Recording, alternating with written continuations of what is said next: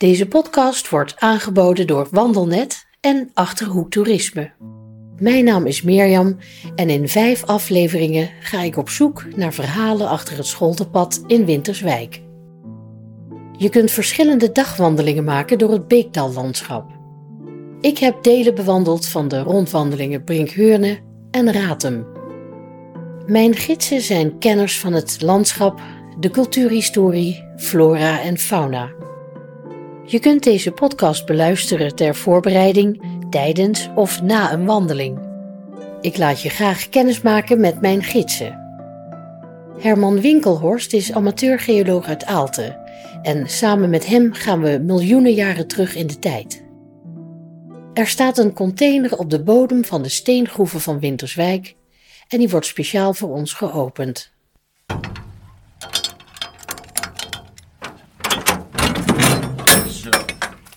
Nou, dat is een beste deur. De lampen voor je aandoen?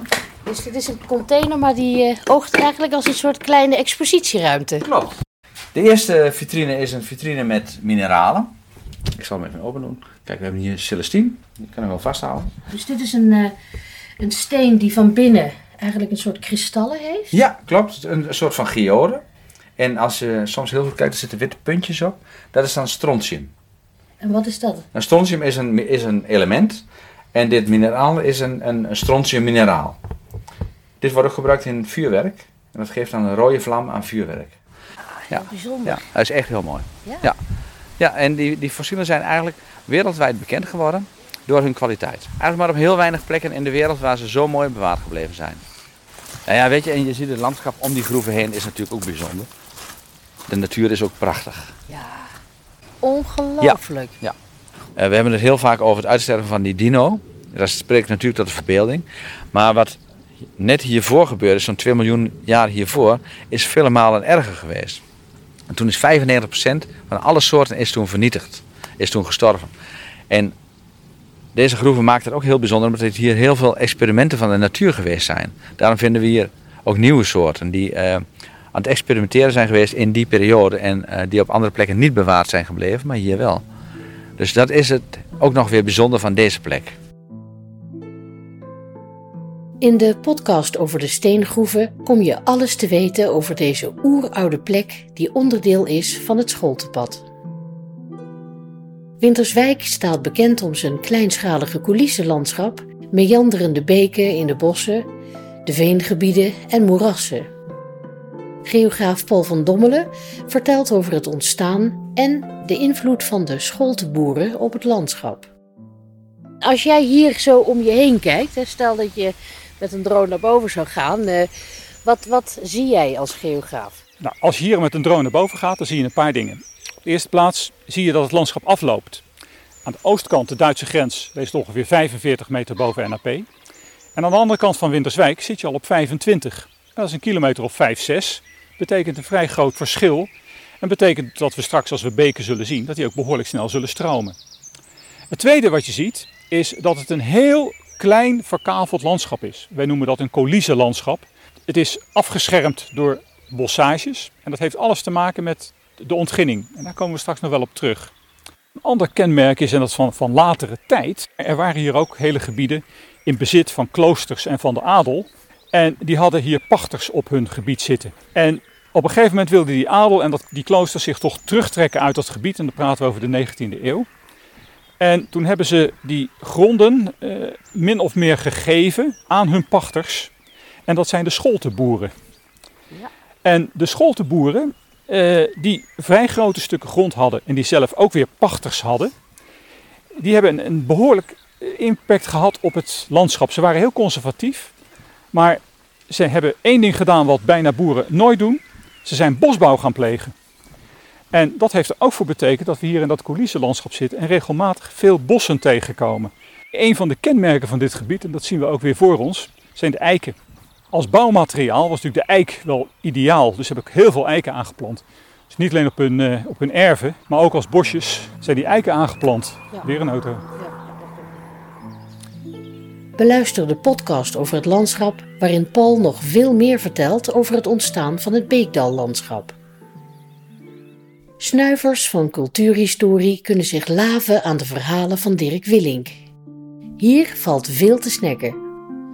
Dirk neemt ons mee langs landgoederen en scholtenboerderijen, watermolen Den Helder. We praten over kunst en duiken in het textielverleden. Tja, en dan zijn er ook nog van die grenspalen die op de gekste plekken staan. Ik weet niet waar we nu lopen, maar het is in elk geval rustig. Wat, is, wat is dat met die grenspalen? Die grenspalen, ja. Ehm, er is ehm, echt heel erg lang gestreden tussen de ene kant de bisschop van Münster en de andere kant de, de, de adel, van, de heren van Loon, de hertog van Gelre, over waar nou die grens eigenlijk liep tussen Nederland en Duitsland. Dan hebben ze dus heel veel grenspalen neergezet. En dan hebben we het inderdaad over 1580 eh, en 1620, dat al die grenspalen overal neergezet zijn. En die grens is sindsdien gewoon niet meer veranderd. En daar staan dus echt op allerlei plekken nog hele oude grenspalen, ook met wapens erin van, van de hertog van Gelre en dat soort dingen allemaal. Zit ook op hele onverwachte plekken. Hè? Als je in het Woldse Veen, wat dus gewoon een, uh, zeg maar in principe gevaarlijk uh, veen is, net als het Korenburgerveen. En dan kom je opeens midden in dat veen zo'n hele grote grenspaal tegen. Die staat daar. Want er moest wel natuurlijk uh, twee lijnen of twee punten met elkaar verbonden worden. En dat ging soms dwars door het veen heen. Maar gebeurden daar ook nog uh, spannende dingen, zeg maar? nou, een beetje Hollander die gaat natuurlijk zijn eigen route kiezen. En dat is hier natuurlijk heel lang gebeurd. Hè? Dat er van alles gesmokkeld werd. Of het nou vee was, of koffie, of wat voor zaken. Dat was echt veel voorkomen. Dus er was veel van dat soort verkeer over en weer. Maar aan de andere kant was het ook wel zo dat die gezinnen die aan beide kanten van de grens woonden... heel vaak toch verbonden waren met elkaar. En dat is natuurlijk ook wel een beetje de reden dat er bijvoorbeeld in de oorlogsjaren hier meer NSB'ers dan in andere plekken voorkwamen. Het was helemaal niet zo dat hier de meerderheid zo was. Maar die gezinnen en die familiestructuren waren soms wel met elkaar aan beide zijden van de grens verbonden. Ja, ja, ja. Dirk wacht ons op in de podcast over de cultuurhistorie van Winterswijk. Nationaal Landschap Winterswijk kent een grote variëteit aan vogels. Maar Ronald van Harksen heeft slechts oog voor één. En daar weet hij alles van. Ik stap samen met hem in de wereld van het steenuiltje. Een dapper beestje dat het goed doet in Winterswijk. De roep die het meeste hoort, dat is wat, wat dan de balsroep of de territoriumroep heet. Dat is een roep die alleen door het mannetje voortgebracht wordt. En die klinkt dan ongeveer, even proberen.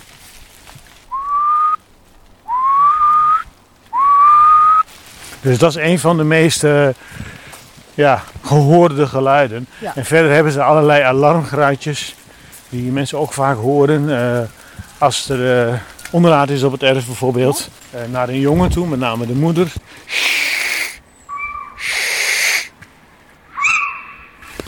Zeg, en wij lopen hier nu eigenlijk ja, kleddernat met een parapluutje.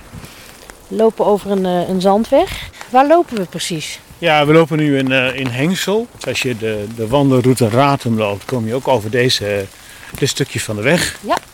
En uh, ja, dan passeer je dus verschillende uh, plekken waar steenuilen broeden. En dan zie je wel, het is allemaal grasland. Ja. Hè? Een kleinschalig cultuurlandschap met bosjes, met, met, met, brede bermen, met ja, perceelsranden. En dat is precies het landschap dat steenuilen graag, graag zien. Dus als een wandelaar hier in de buurt is? Uh, wat zeker aardig is om als je langs een erf loopt uh, en er staan vrijstaande schuurtjes, om dan toch eens op te letten of er bovenop niet ergens uh, twee bolletjes op elkaar zitten. Ja, ja, ja. En dan heb je een kans dat dat gewoon een steenuil is die zit, die zit zonder bijvoorbeeld. Beluister de podcast over de steenuil, waarin Ronald vertelt over een gevleugeld familiedrama dat zich dit voorjaar afspeelde. Veel winterwijkers zijn begaan met het behoud van de natuur. Bioloog Bernard Harfsterkamp is er zo een. Hij waakt over de flora en fauna en kent elk plantje en kruid. Is dit jouw favoriete plek? Nou, mijn favoriete plek is in het Wolsevee. Fascineert me wel hoe je toch over dat trilveen heen kunt lopen als het dik genoeg is. En als dat veemospakket dik genoeg is, dan groeien er allemaal planten op. Echte hoogveenplanten. Zoals uh, de lavendelheide, dat is een veenbes. Dat zijn uh, twee typische soorten dan van die venen. En elk jaargetijde kent zo zijn schoonheid, vermoed ik? Ik zelf vind de lente het mooiste natuurlijk als alles zich geleidelijk aan ontwikkelt. Hè. Kijk, in de zomer komt het een beetje tot stilstand.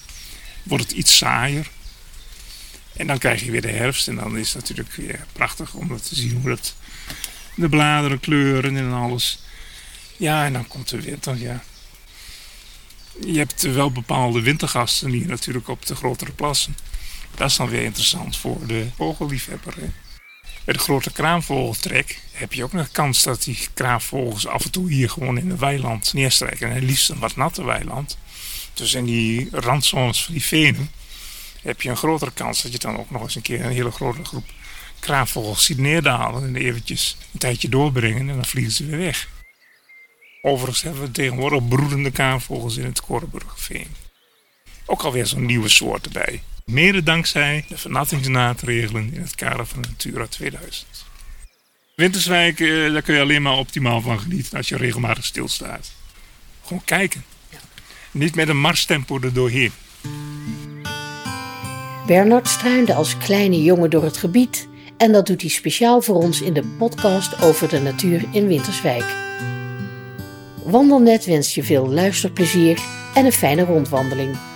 Bezoek de website van Wandelnet of gebruik de app voor een overzicht van rondwandelingen op het schooltepad.